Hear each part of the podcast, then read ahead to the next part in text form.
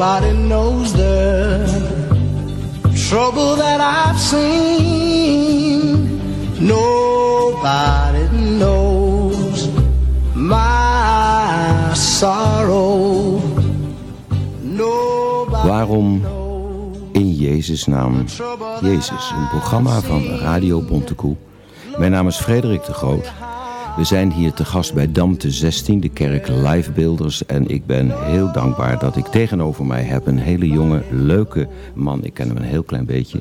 Hij heet Joris Omvlee. Welkom. Welkom dat je hier bent. Ik vind het heel leuk dat je met mij met, over dit onderwerp wil komen praten. Ja.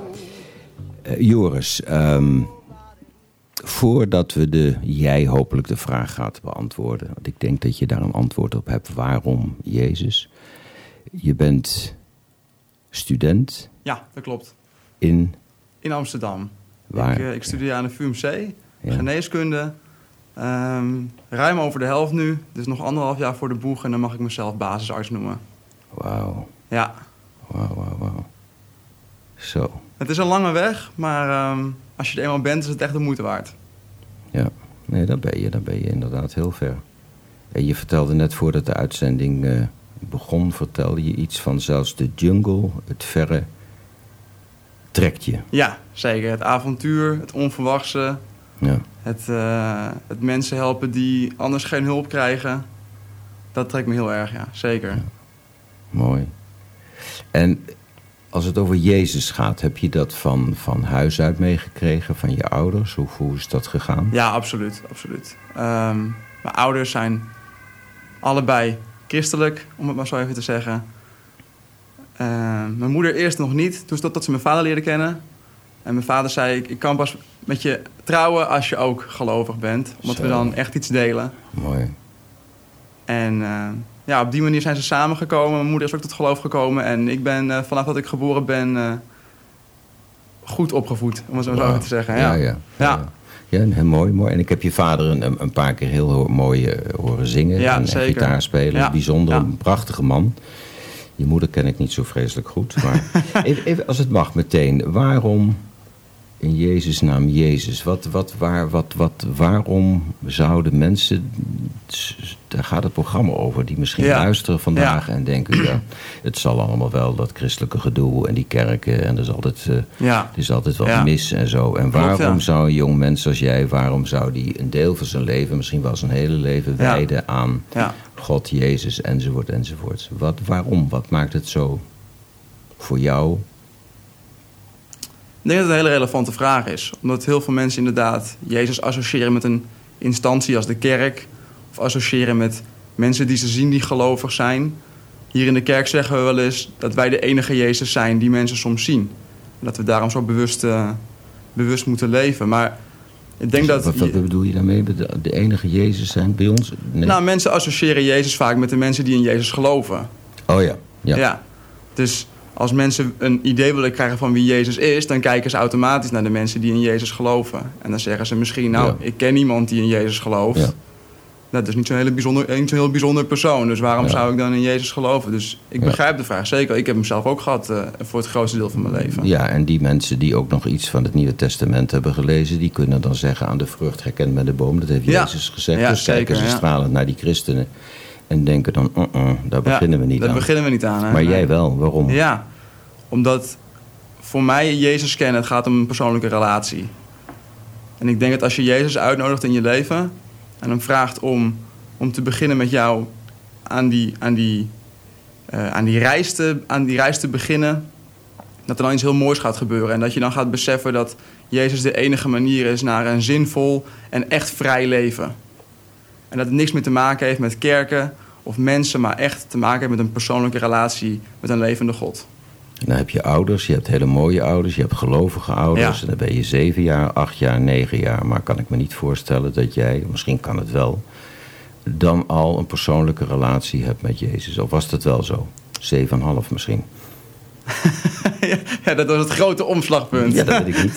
Het zou kunnen. Nee. Ehm, wel anders.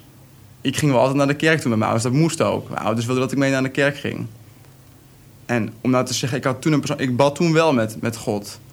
Maar ik had niet een relatie op, op- met hem op, het, eh, op dezelfde manier zoals ik dat nu heb.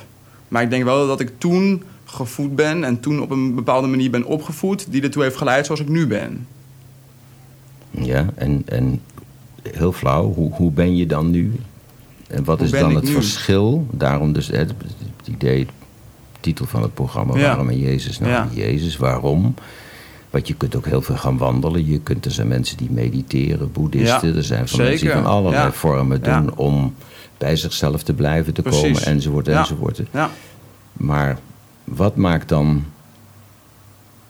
Wat is het verschil dan voor jou? Of kan je dat voor degene die luistert op dit moment zeggen: ja, nou, nou valt er in een kwartje, nou komt er een idee. Joris vertelt me iets wat me raakt.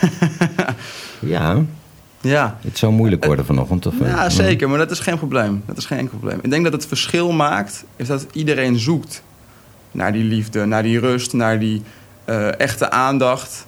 Maar met Jezus is rust en aandacht en liefde. Onder andere, zeker. Dat is een belangrijk deel van wie die is. En ik denk, ah, iedereen zoekt en die zal het misschien tijdelijk vinden in een relatie... of tijdelijk vinden in meditatie of, of tijdelijk vinden in, in wat dan ook. Sommige mensen zoeken het in alcohol of drugs als je echt, eh, als je echt verloren bent. En ik denk dat Jezus de enige is die die blijvende rust kan geven... die die blijvende eh, persoonlijke relatie kan geven... dat je je echt gekend voelt. En niet dat tijdelijke waar iedereen zoekt naar de dingen en dat is, blijkt altijd tijdelijk te zijn. Blijkt altijd teleur te stellen. Blijkt altijd dat het toch niet zo was als je had verwacht. En ik denk en ik weet dat Jezus de enige is die volmaakt is.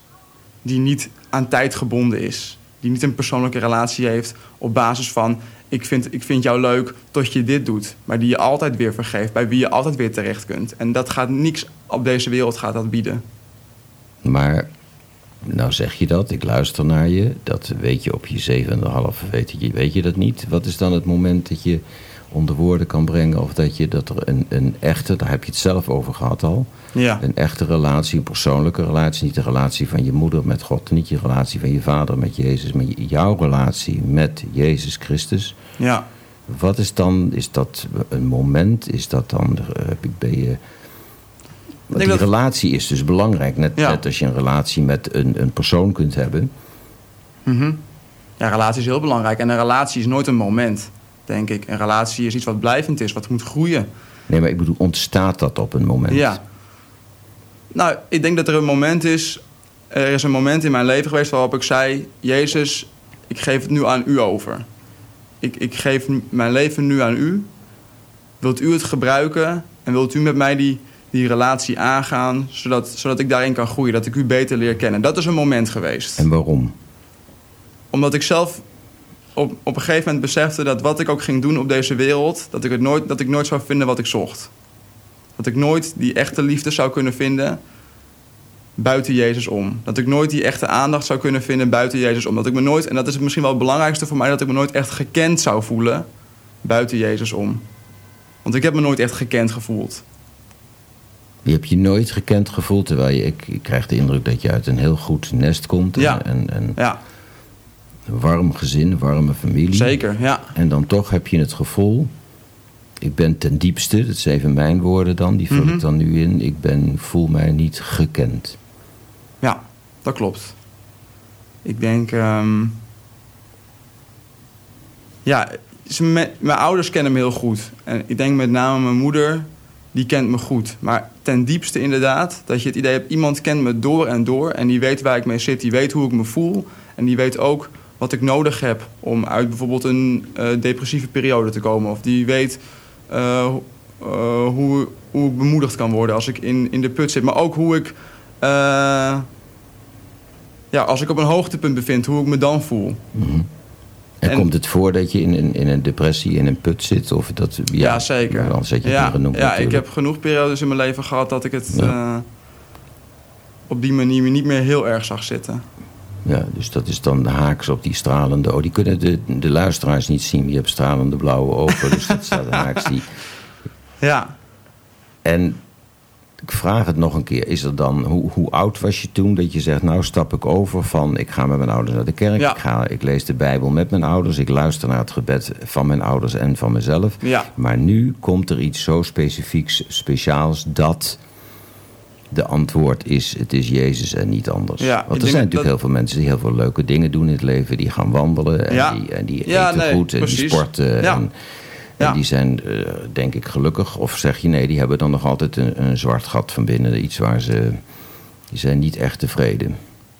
Maar waar was het moment? Ja, het moment was denk ik voor mij op mijn zeventiende. 17 Ja, jaar. ik was 17. Dus dwars midden in de, in de puberteit, waarin andere kinderen dus hun ouders onvoorstelbaar lastig gingen zitten Ja. maken, ging jij, kwam jij. En toen kwam je de trap af. Je kwam thuis. de huiskamer binnen. Ik kwam thuis. Je kwam thuis. Nou, komen we in de buurt. Ja. Ik kwam thuis. En toen? Het, eh, het, was een, eh, het was op een avond en een vriend van mij die nodigde, nodigde me uit om eh, mee te gaan naar een, een groep van jongens die ook gelooft. En ik dacht van, nou weet je, ik, ik besefte me altijd wel dat ik, dat ik in een God geloofde. En dat ik, ehm, dat, dat ik wist dat er een God bestond, dat Jezus de Zoon van God was en dat hij voor mijn zonde gestorven was. De basics, ik dacht, oh, die heb ik wel door. nou, die laat ik even hier, die parkeer ik. We krijgen nu muziek, heb je zelf uitgekozen. Ja, En dan ga je vertellen wat er gebeurde, 17 jaar oud. En toen. zeker. This is where it begins. This is where all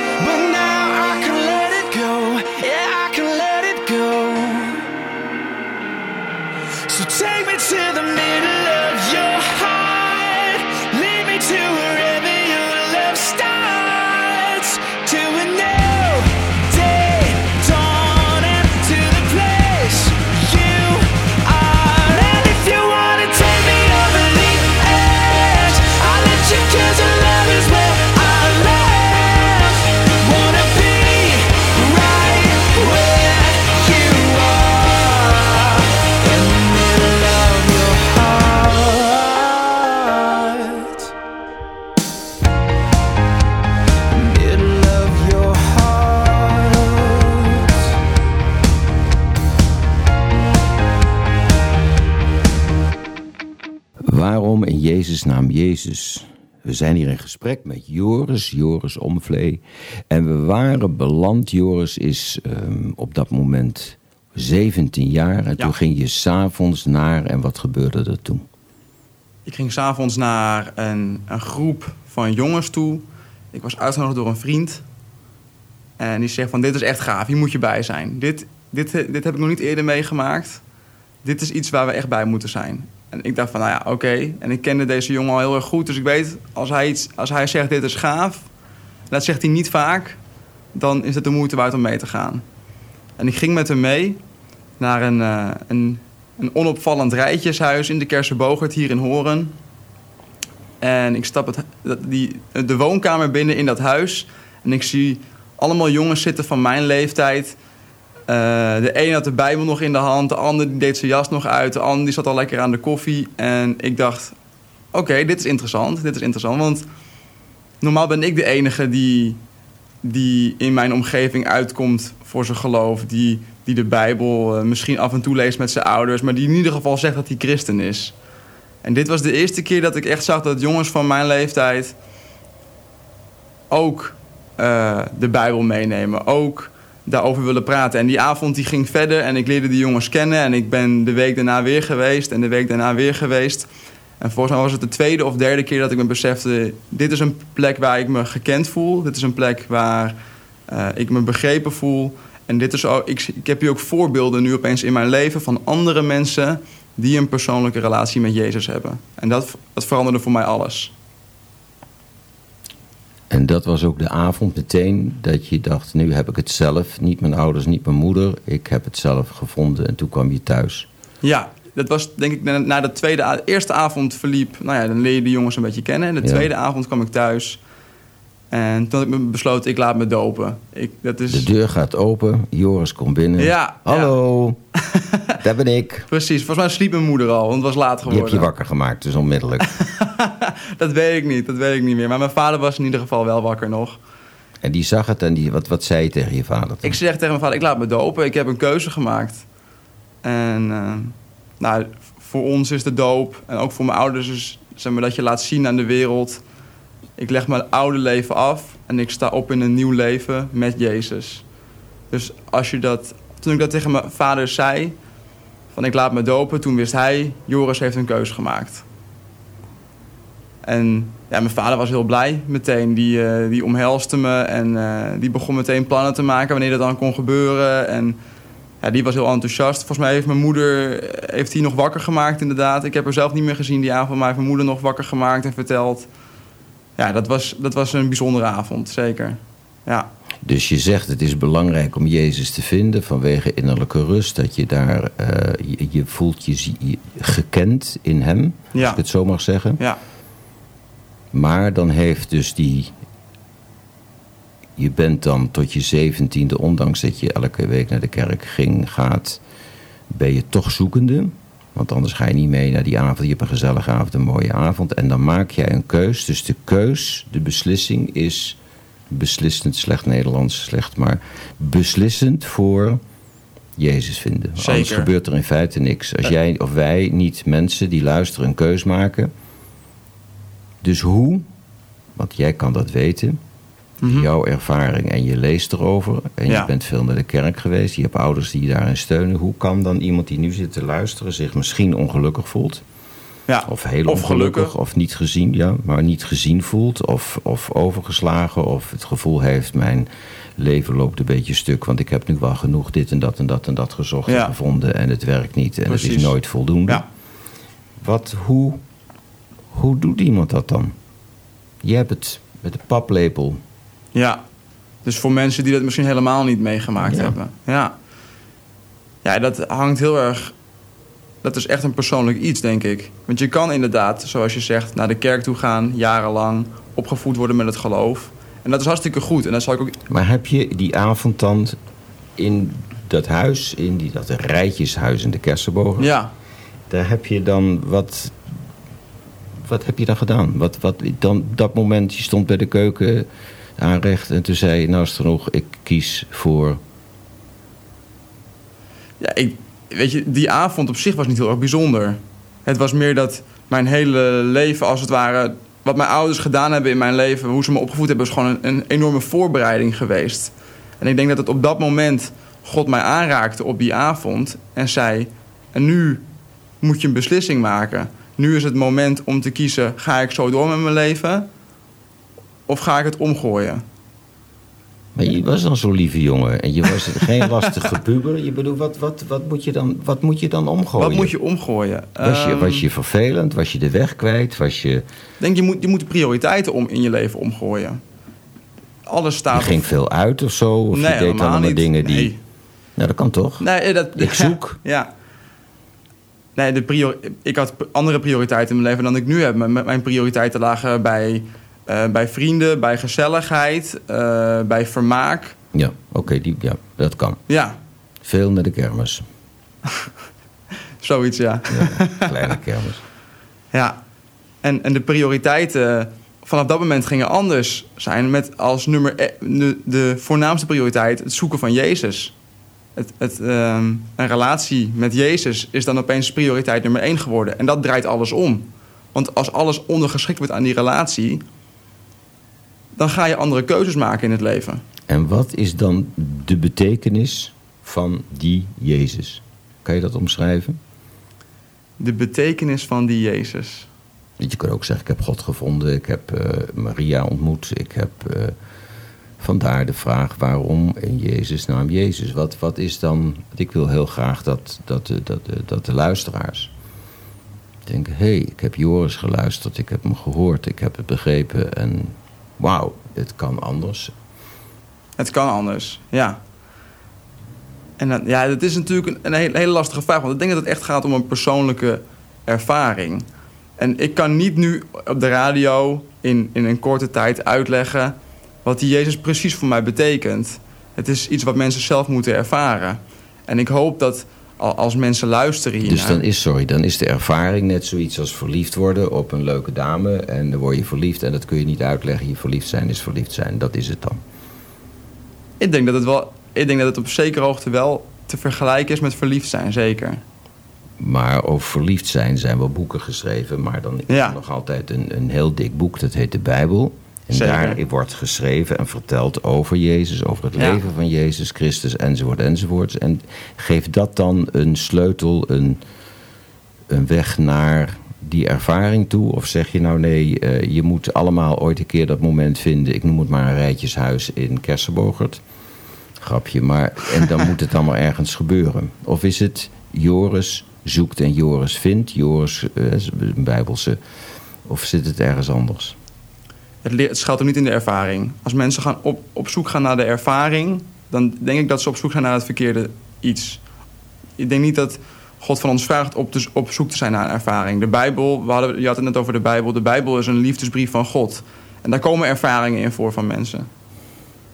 Maar de ervaring is niet wat centraal staat. Ik denk dat de relatie centraal staat. En een, relatie heeft ook zijn ups en downs. Maar een dit is wel de enige relatie die nooit teleurstelt. Ik denk dat dat een belangrijke sleutel is. Dat de liefde van God nooit teleurstelt. Dat de liefde van God nooit ophoudt. En als mensen op zoek gaan naar een ervaring zoals ik die had bijvoorbeeld in dat rijtjeshuis... dan kunnen ze lang gaan zoeken, maar dan gaan ze het niet vinden, denk ik. Dus dat was het ook weer niet. Het Absoluut heeft dus niet. wel te maken met, dat is dan het essentiële woord in dit gesprek, met een keuze voor. Maar je kan bijvoorbeeld ook een keuze maken voor je medemensen. En heel veel mensen die heel veel liefdadigheidswerk Ja. doen, die prachtige Ja. dingen doen. En dat, dat ga jij straks als arts ook doen. Dan ga je naar het buitenland en dan ga je mensen genezen, opereren enzovoort enzovoorts. En eh, dat doe je met ontzettend veel eh, passie en liefde en aandacht. Ben je dan het voor de ander er zijn, ben je dan een christen? Dat is een heel belangrijk onderdeel van het christen zijn. Is dat je er voor de ander bent. Mhm, Het grote gebod in de Bijbel is... heb God lief boven alles mhm, en je naaste als jezelf. mhm. En dan heb je denk ik weer dat, die belangrijke volgorde van prioriteiten... waarin je allereerst zegt, ik heb God lief boven alles... en dat is mijn nummer één prioriteit... en op stipt op nummer twee staat... maar ik heb ook mijn naaste lief als mezelf. Dus dat belangrijke van dingen voor mensen doen... er zijn voor mensen... ik denk- ik denk dat dat een essentieel onderdeel is. En nou vinden wij dat over het algemeen, dat kan je maatschappelijk zo om je heen zien. Wij vinden het lastig om onze naaste lief te hebben. Mag ik toch zo zeggen? Zeker, ja, absoluut. En dan Ja. zeg jij, omdat Jezus in mijn leven is, omdat ik een relatie heb, ik Joris Omvlee heb een relatie met Jezus, daardoor is het ook, zeg ik dat goed, niet zo moeilijk om mijn medemens lief te hebben.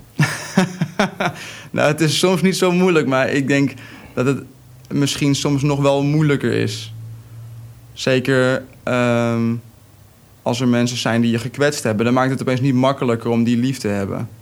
Het is niet dat als je je leven aan Jezus geeft en je je prioriteiten aanpast, dat je leven opeens een hele andere wending he- hebt en dat je opeens het, met het grootste gemak door het leven heen gaat. Dat je met het grootste gemak andere mensen lief hebt. Ja, net als in een huwelijk, een relatie, moet je ook aan de relatie werken. Absoluut, en, en, absoluut. En, en kijken ja, alleen het verschil met een huwelijk is dat je partner je teleur kan stellen. En dat je afhankelijk bent van twee factoren, namelijk jijzelf en je Mhm. partner, die heel erg veranderen. En het verschil met een relatie met God is dat God niet verandert. God zegt ik ben wie ik ben, is constant. is constant. En bij deze gaan we naar de muziek.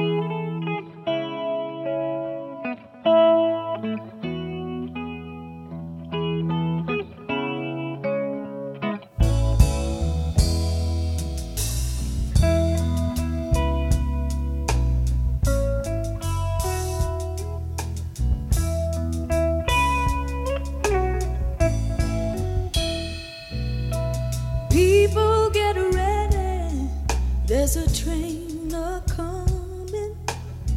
You don't need no baggage, you just get on board.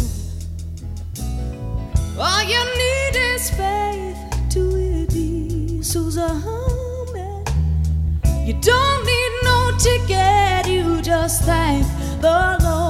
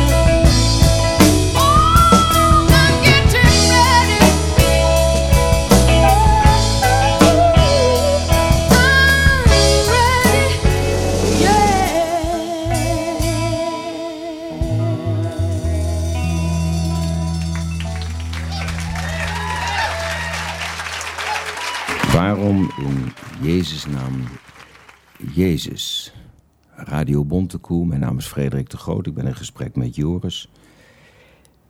Je staat in Horen, sta je op de Rode Steen. Ja. Je hebt een flyer in je hand.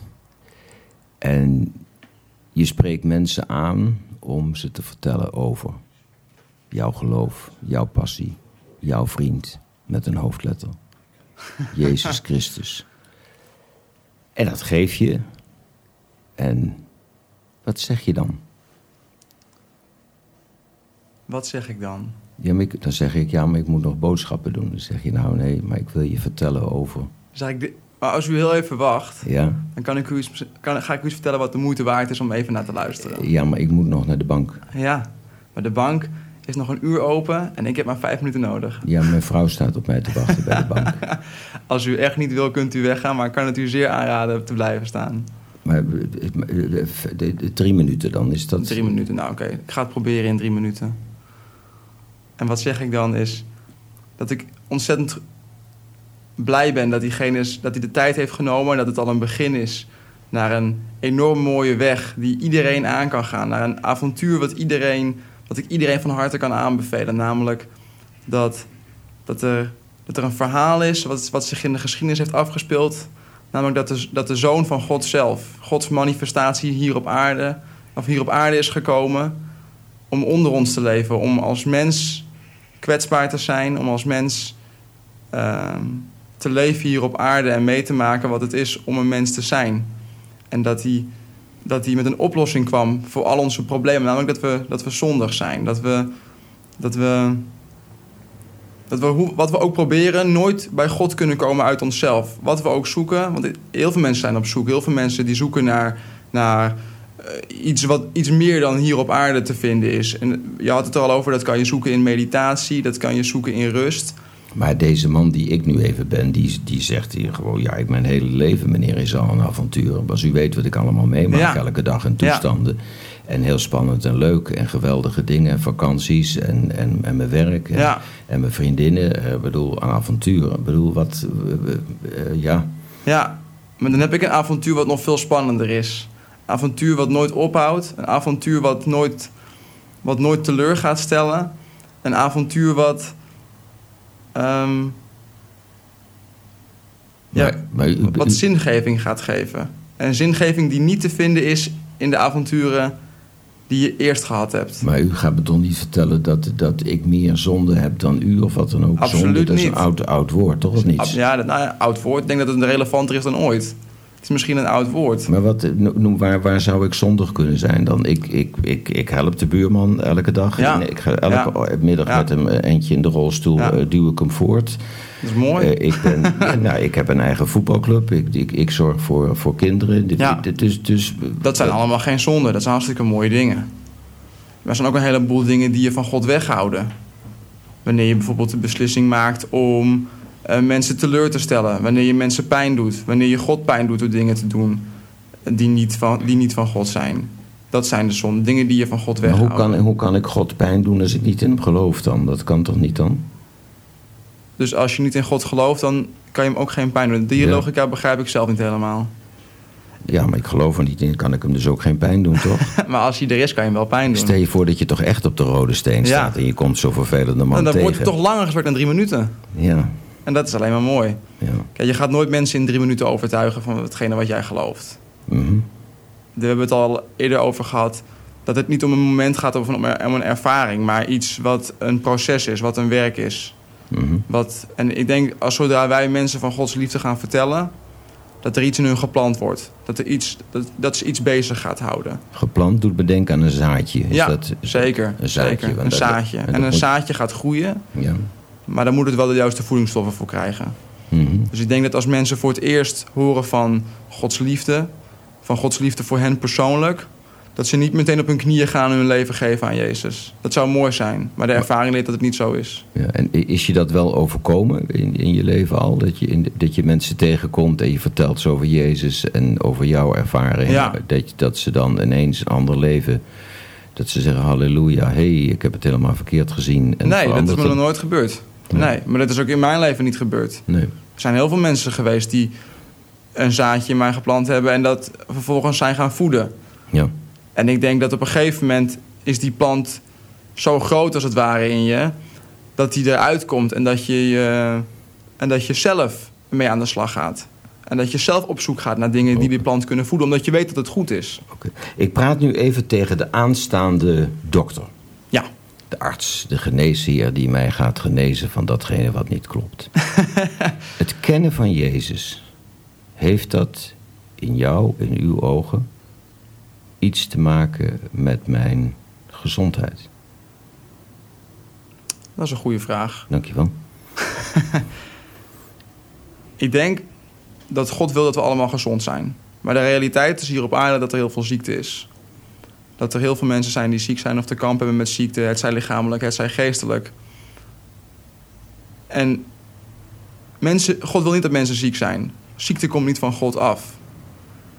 Dus ik als iemand die in Jezus gelooft, in Jezus volgen... heb als doel voor mezelf gemaakt om mensen te genezen. Maar dat kan ik nooit zien zonder naar Jezus te kijken, die ook mensen genas.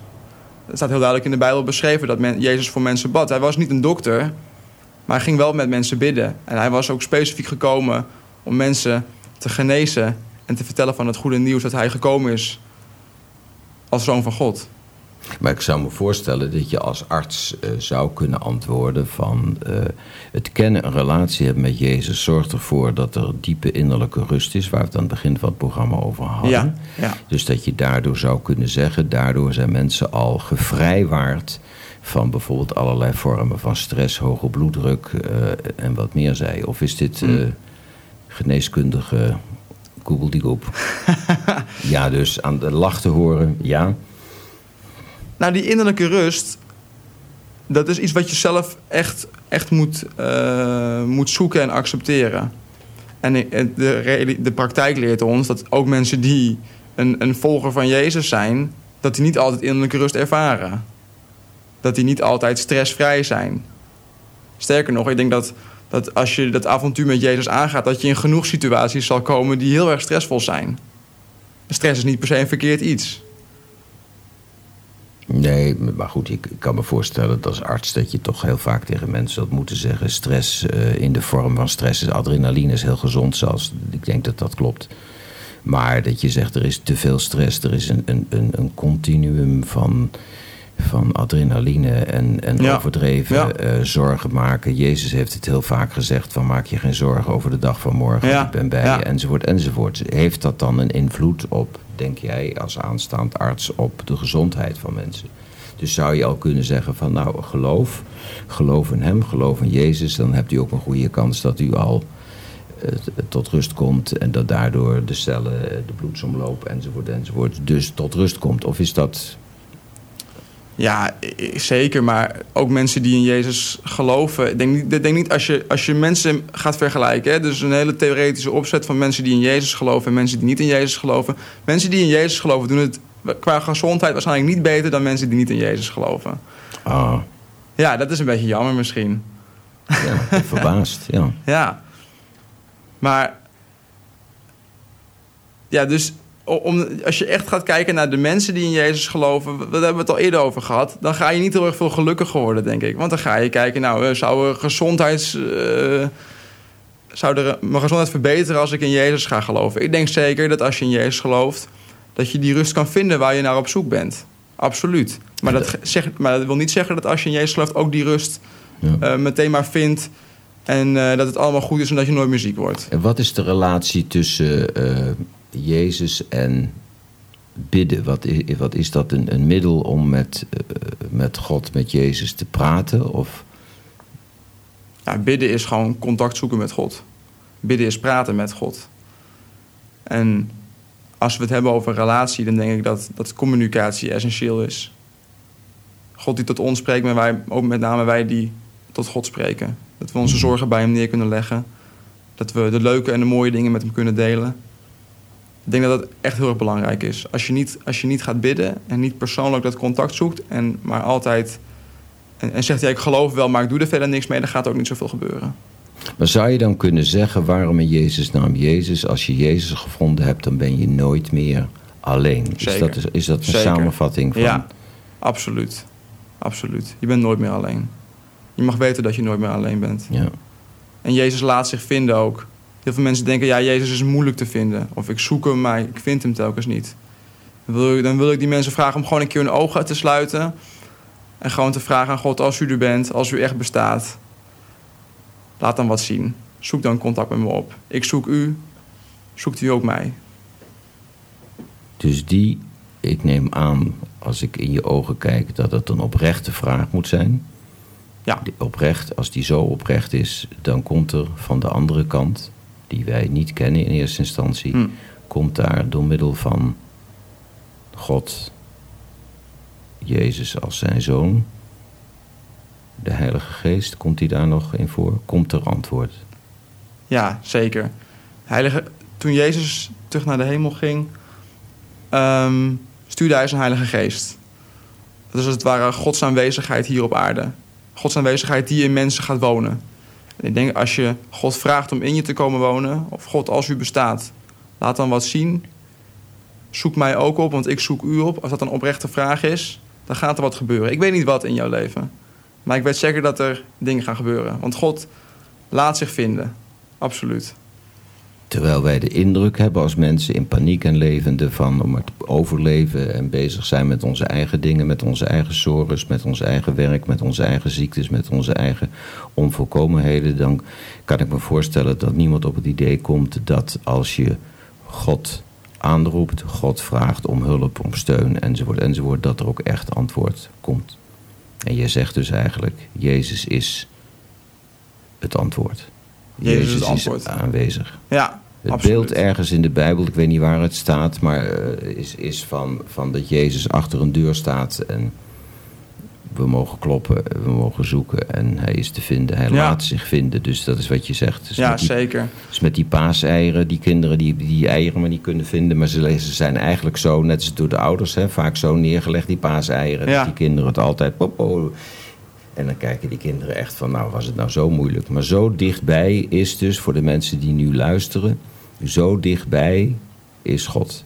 Als je vraagt aan Jezus, aan God, help Ja. mij, eh, ik wil graag antwoorden, ik wil een relatie, vind ik een heel mooi woord. Ik wil een, een contact en daardoor is dus de eenzaamheid opgeheven. Ja, En daarmee is dus dat, begrijp ik dat goed, dat zwarte gat, dat zijn mijn woorden, maar dat Mhm. hoorde ik een paar keer langskomen van dat wat nooit gevuld wordt. ja. Dat is door zijn aanwezigheid. En zijn aanwezigheid, dat is dus dezelfde, even voor, voor mijn begrip, dat is dezelfde die ons gemaakt heeft. absoluut. Ja. Ja, de God van toen is de God van nu. Ja. En God is niet dood. God is niet een afstandelijk persoon hoog in de hemelen die op ons neerkijkt en denkt: Goh, wat, wat, wat leuk om, eh, om, om wat mieren rond te zien lopen. Maar God is iemand die jou persoonlijk wil kennen. God is iemand die de haren op je hoofd geteld heeft. God is iemand die jou gemaakt heeft en een plan met je leven heeft. En jou elk moment van de dag aan het zoeken is. Omdat hij jou wil leren kennen. Ja, terwijl als we hem niet zoeken, is hij er toch, want hij houdt ons als het ware door zijn adem in leven. Ja. Alleen als we een relatie met hem hebben, dan kunnen we ook een beetje.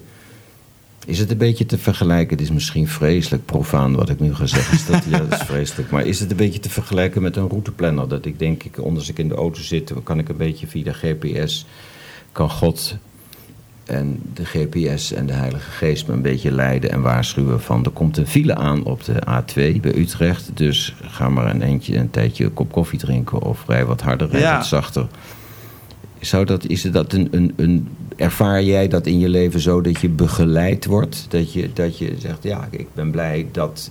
Vroeger deed ik het zonder routeplanner en ik reed en ik deed maar wat. Ja, ja, zeker, zeker.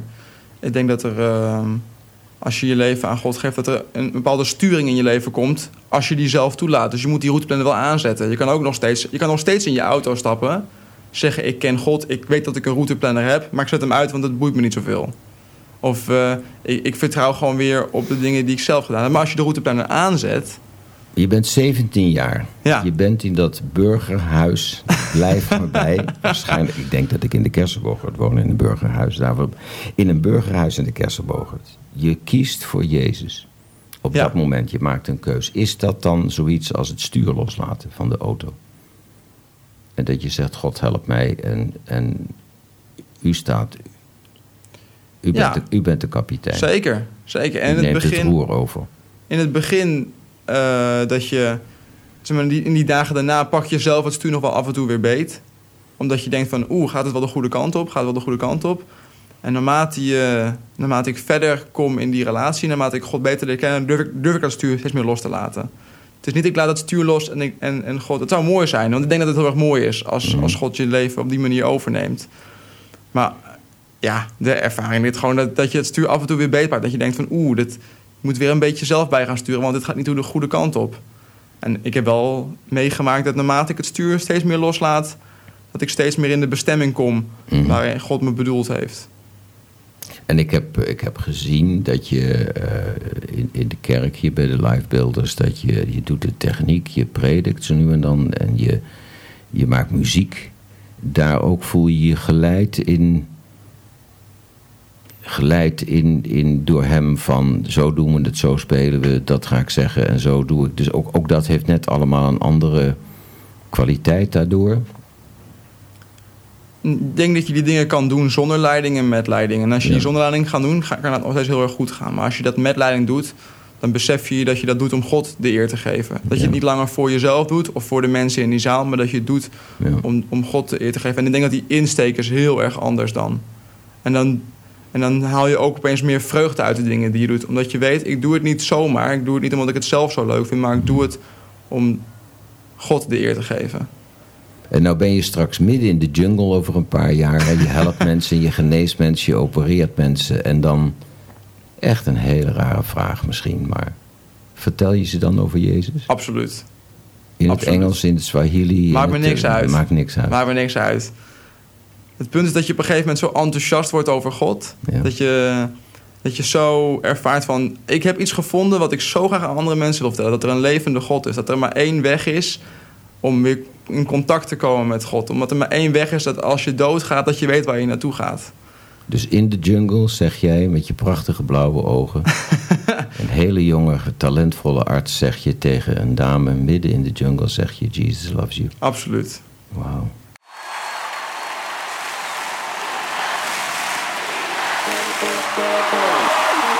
Thank you.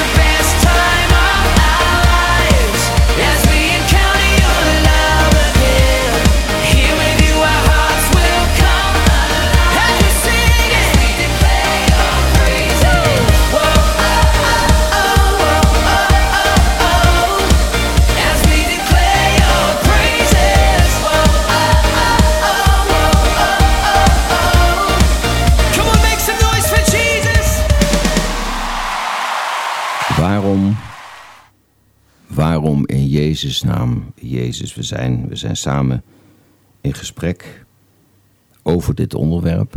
Mijn gast, Radio Bontekoe, Frederik de Groot, met dit onderwerp is Joris, Joris Omvlee. Je hebt heel veel verteld over wat je beleeft, je ervaring. Is er iets op dit moment van dat je zegt, ja, dat is, dat is steeds maar onderbelicht. Ik voel me niet begrepen. Ik voel, er is iets wat ik kwijt wil. Er is iets wat ik wil vertellen van over wat je beleeft, of het geloof, of een ervaring van. Is er iets wat, wat, wat in je hart leeft dat je zegt dat, dat zou ik. Ja. Nou, wat, wat, wat, wat ik wel eh, misschien nog wel over wil hebben is dat we hebben, ik heb nu het idee dat het gesprek heel erg gegaan is alsof geloof alleen is voor mensen die zich niet begrepen voelen. Of voor mensen die op zoek zijn. Ja. Maar ik denk dat ik Die indruk, dat komt dan misschien door mij, maar die indruk zou iemand kunnen, zou Ja, men kunnen krijgen. zeker. Maar dat is anders. Dat is zeker anders, ja. Ja, ik denk, God is voor iedereen gekomen.